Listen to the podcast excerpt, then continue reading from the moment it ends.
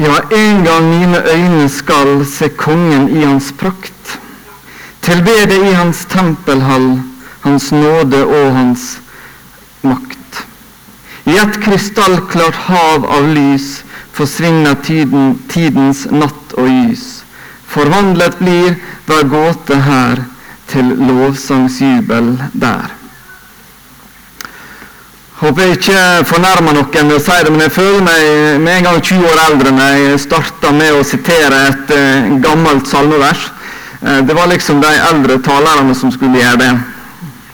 Men jeg syns at det her passer i dag. Fordi at denne sangen her, uh, den minner meg på oppstandelsen, på evig liv. Den får meg til å glede meg til det som jeg en gang skal møte hjemme hos Gud i himmelen. Dagens tema det er oppstandelsen og livet. Et sitat som Jesus sier om seg sjøl, bl.a. i Johannes 11. Vår tekst i dag det er 1. Korinterbrev 15. Vi har kommet til veis ende på vår vandring gjennom første Korinterbrev. Det har tatt ganske lang tid. Vi begynte eh, lenge før jul. Eh, det er jo et kapittel til, men det handler mest om ei helsing, så det kommer ikke til å, å ta med i denne omgang. Men i dag så kommer vi til å gå gjennom dette kapittelet og ta noen vers som sier noe om dette med oppstandelsen og livet. Og Vi begynner med versene 3 og 4. For først og fremst overga jeg til dere det jeg selv har tatt imot. At Kristus døde for våre synder etter Skriftene. At han ble begravet, og at han sto opp den tredje dag etter Skriftene. Eh, I disse to versene her så gjentar Paulus det han starter starta egentlig første Korinterbrevet. Det er noen ting som man sier at dette her, det må dere ha fått taket på. Dette her er viktig at dere skjønner. Um, at Kristus døde for våre synder etter Skriftene. Paulus hadde bedre forutsetninger for å forstå dette her enn de aller fleste. Han var utlært av de beste lærerne Israel hadde å by på. Han var ekspert på Gamle Testamentet. Da Jesus åpenbarte seg for Paulus på vei til Damaskus, så falt liksom brikkene på plass for ham. Da skjønte han dette her han hadde lært. For at Gud og mennesket kunne få et forhold. For å forene Gud og menneske så måtte synd sones. Og dette kunne kun skje hvis Jesus, som var 100% menneske og 100% Gud, tok på seg den straffa som mennesker skulle ha. Jesu død den var helt nødvendig. Jesus gjorde dette i kjærlighet. Men det var viktig for Paulus å få fram nødvendigheten av det her. Og Paulus ville vise at hvis vi er villige til å granske Skriftene, se på det som står, så er det mulig å se at det var dette som skulle skje. Det kom ikke som noen stor overraskelse hvis du ville kikke litt etter det var godt dokumentert at det var dette som måtte skje. Det var ikke noe som Jesus plutselig kom på av seg sjøl heller. Det var slik Guds plan var. Dette kan vi finne i Bibelen. Paulus fortsetter at han ble begravet, at han sto opp den tredje dagen etter Skriftene. Paulus vil, igjen, vil igjen ha fram dette at det var slik det skjedde rent fysisk. Etter sin død så ble han lagt i ei grav. Men da det hadde gått tre dager, så sto Jesus opp fra de døde. Heller ikke dette var sjokkerende. Det var forutsagt en rekke ganger i Det gamle testamentet gjennom profetiene der. Og vi som har Det nye testamentet, og de som hadde fulgt Jesus mens han var på jord, hadde hørt at han gang på gang hadde sagt at det er dette som skal skje. Jeg må gjennom dette her. Jesus' seier over døden var helt nødvendig for at vi mennesker kan bli født på ny og ha rett til et evig liv. Vi fikk det fint fram her med, med Noah i stad. I dåpen så blir det som Jesus gjorde, gjeldende for oss. Vi får del i hans død og oppstandelse. Det blir vår død og oppstandelse. Det blir starten på et helt nytt liv. Et liv som ikke kjenner noen ende. Tenker vi ofte på det? Det som starta her framme i stad, det kjenner ingen ende. Vi blir så opphengt så fort i, i det vi møter her i livet med, med fødselen og døden her. Men det som skjer i dåpen, det er altså at vi får del i noe som ikke har ende. Vi skal gå videre og lese vers 17, hvis dere hadde lyst til å samarbeide. Hjelper det nå? Var det der? Nå gikk det litt langt. Men hvis Kristus ikke er stått opp, da er deres tro uten mening, og dere er fremdeles i deres synder. Da er også de fortapt som har sovnet inn i Kristus. Hvis vårt håp til Kristus gjelder bare for dette livet, er vi det ynkeligste av alle mennesker. Jeg syns Paulus kan være litt sånn brutal av og til. Ynkeligste, liksom. Det høres litt sånn voldsomt ut. Men jeg tror kanskje at vi skal få fram at det er grunnlag for å si det så tydelig. Idet et menneske tar imot Jesus som herre i sitt liv, så får det to naturer i seg. Og De naturene de vil kjempe litt mot hverandre så lenge vi lever på denne jord. Vi har en natur i oss som tenker på oss sjøl. Som ønsker å gjøre ting som er dumt, som ødelegger vårt forhold til Gud og medmennesket. Men så får vi del i en natur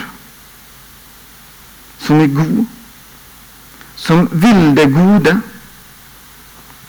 En natur som kjemper i oss og ønsker at vi skal stadig ta noen nye skritt på veien mot å bli litt og litt mer lik Jesus.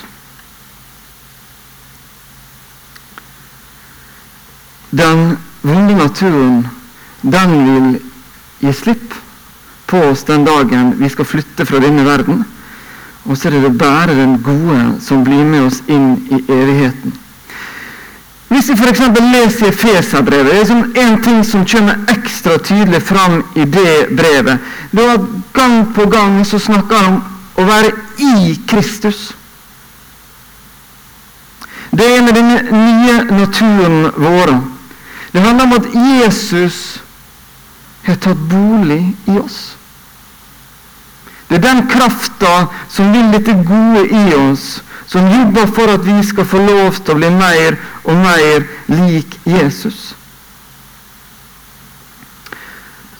En helt ufravikelig forutsetning for at vi kan være i Kristus, og at Han kan jobbe i oss, er nettopp det at Jesus døde og sto opp igjen. At han vant over døden. For Gud sin natur, den tåler ikke synd. Og for at vi skal kunne ha et personlig forhold til Gud, så var altså Jesu død på korset helt nødvendig. Det er Jesus som er linken mellom oss og Gud. Og for at denne linken skal fungere, så måtte Jesus dø, bli begravd og stå opp igjen. Han måtte vinne over døden for oss. Både for at vi mennesker kan leve et liv i Kristus i denne verden, og for at vi en dag skal få komme til den nye himmelen som Han gjør i stand for oss. Så forstår vi det at Jesu døde oppstandelse den er altså en forutsetning for et liv sammen med Gud her på denne jord og i evigheten.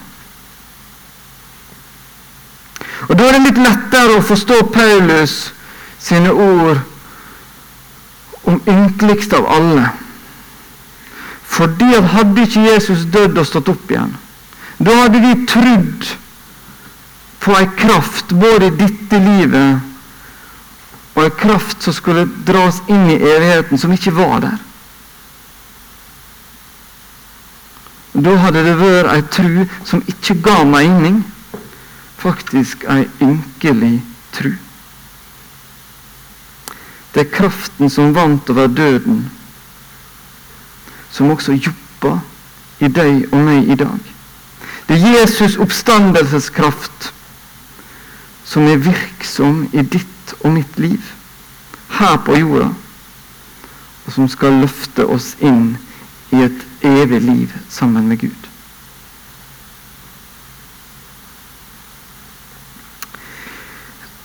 Paulus går så over i å skrive mer om hva oppstandelsen vil bety etter vårt jordiske liv.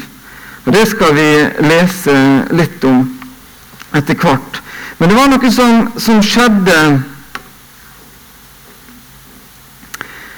her forrige fredag som jeg har lyst til å fortelle litt om. Da hadde vi fredag, som er dette tenåringsopplegget vårt. Hege Dalhaug var og hadde andakt. Hadde en fin andakt. Og avslutta med å legge noen ark eh, ned på gulvet. På det første arket så skrev hun 'Følg etter meg'. Og så avslutta hun andakta med å invitere alle som var til stede, og kom og skrive navnet sitt på det arket. Om du nå var klar for å si at du ønsker å følge Jesus i livet ditt. Det var fint å være der og se disse ungdommene som satte seg ned på kne og skrev navnet sitt på disse arka. Men så var det en av disse ungdommene som valgte å ikke skrive navnet sitt. Og så Etterpå så uh, fikk jeg spørre denne ungdommen om han hadde lyst til å si noe om hvorfor han ikke skrev opp navnet sitt. Jeg snakka med vedkommende og fått lov til å, å, fortelle dette her. Og Da sier altså denne ungdommen til meg at grunnen til at jeg ikke ville skrive opp navnet, det er usikker på det der med evig liv. Det å skulle leve evig Det virker litt skremmende. Hva, hva vil dette her evige livet være for noe? Og jeg kan si at jeg måtte, måtte finne ut mer av dette her, hva dette evige livet er for noe, før at uh, denne personen ville skrive under på å følge etter etter Jesus. Jeg tenkte på, Kanskje skulle vi gjort noe sånt her inne med av og til. Hatt noen ark utover her og så skrevet opp navnene våre. Jeg tror at det er bra jeg, å gjøre noe litt fysisk av og til. Er kanskje både jeg og dere litt redd for det. Jeg tror det hadde vært bra. Det er bra å gjøre noe fysisk. Få lov til å tydelig på at vi ønsker å skrive opp navnene våre. Og hvis vi ikke gjør det, tenke godt gjennom hvorfor ikke det. Jeg syns det var flott at denne ungdommen også reflekterte og ville tenke på det her. Så håper jeg at navnet kan komme på lappen etter hvert. Men dette her minner meg på noe. For da jeg var ca. 20 år utover, så var det noe Jeg kjente litt at jeg hadde behov for et lite opprør. Um, og Jeg vet at vi var flere i samme situasjon. Jeg er ganske sikker på at det ikke var objektivt korrekt. Men jeg hadde en opplevelse av at så langt i livet mitt så har jeg hørt mye forkynnelse som handla om liksom å si ja til Jesus. Og når du hadde gjort det, så, så var ikke det så nøye før at du skulle til himmelen. Det var liksom å sagt dette ja-et. Jeg opplevde at det var lite snakk om dette livet sammen med Jesus her på jord. Jeg følte at det var noe som hadde liksom Ja. Når jeg møtte dette i Bibelen, så tenker jeg dette her er jeg hørt lite om. Og jeg har hatt behov både i mitt liv og kanskje når jeg også har talt, å sette fokus på det. Viktigheten av å leve sammen med Jesus her på denne jord. Og la denne krafta få lov til å jobbe med oss. Gud vil at det skal skje noe med oss fra vi har tatt imot Jesus, til vi skal til himmelen. Vi vil gå glipp av mye velsignelser i dette livet om vi ikke ønsker at Gud skal få lov til å jobbe med oss, endre oss. Men så er det dette med disse forskjellige grøftene.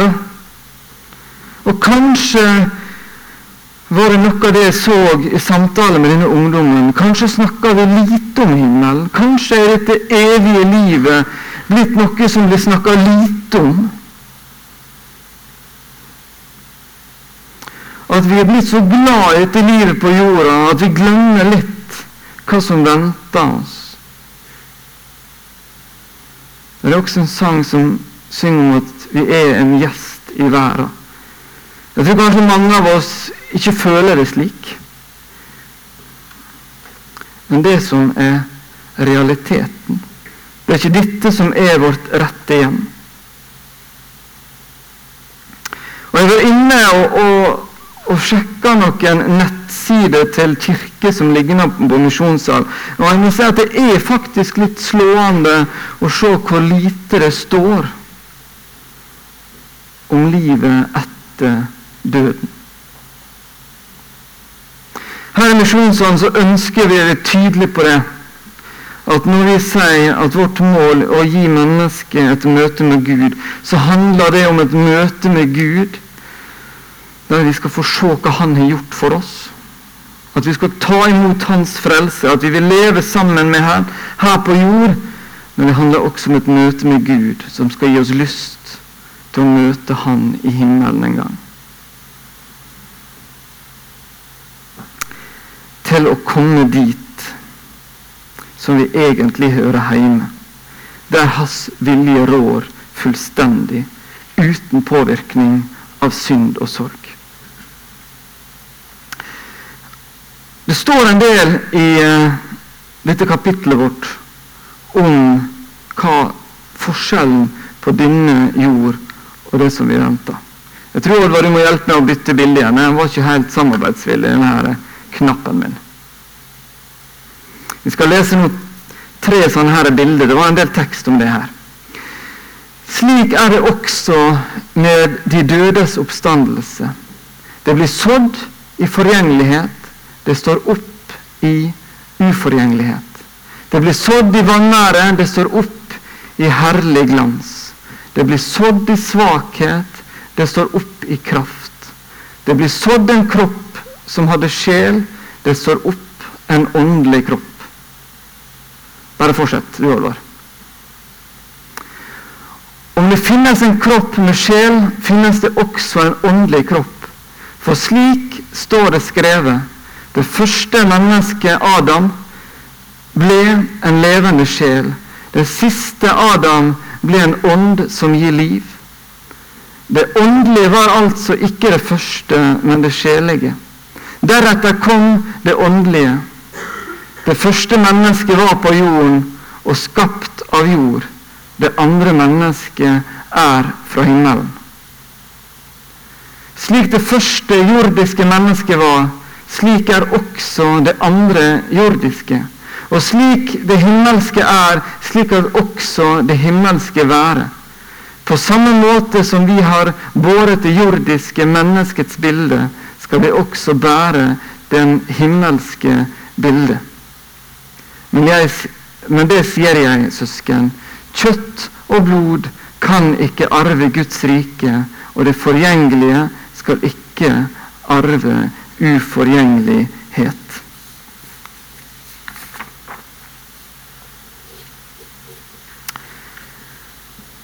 Det er kanskje litt sånne vers det her som vi trenger litt tid til. Kanskje du skal sette deg ned når du kommer hjem igjen. Dette begynte fra vers 40.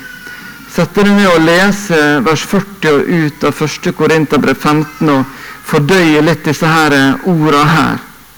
Men det, det handler altså om at vi har en kropp som er av jord eller av støv, som er forgjengelig.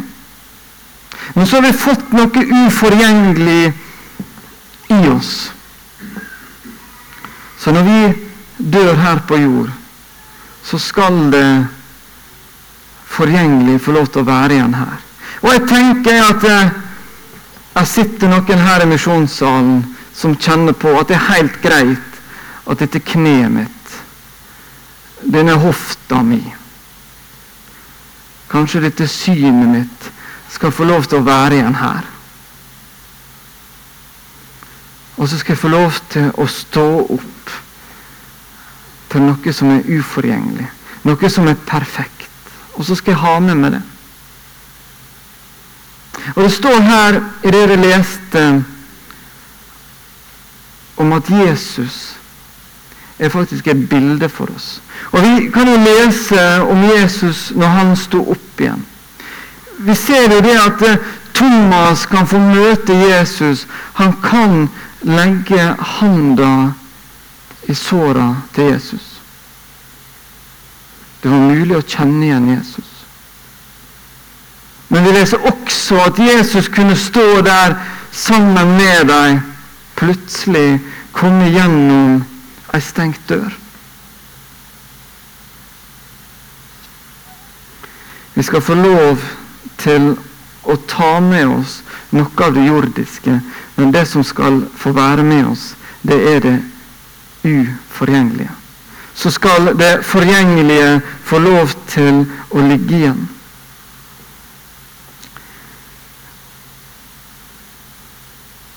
Vi skal få lov til å si, slik som det står i vers 55 i dagens tekst Død, hvor er din brodd? Død, hvor er din seier? Gud har vunnet over døden. En dag så skal den slippe fullstendig taket på oss. Denne krafta som reiste Jesus opp fra de døde. Den krafta skal få lov til å leve i våre liv. Den skal få lov til å slippe seg løs i våre liv. Jeg ber om at vi må be Gud om at han får lov til å gjøre det.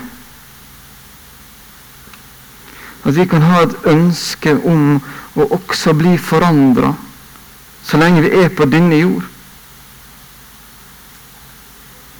Og at denne krafta skal ta oss og løfte oss inn i det evige liv.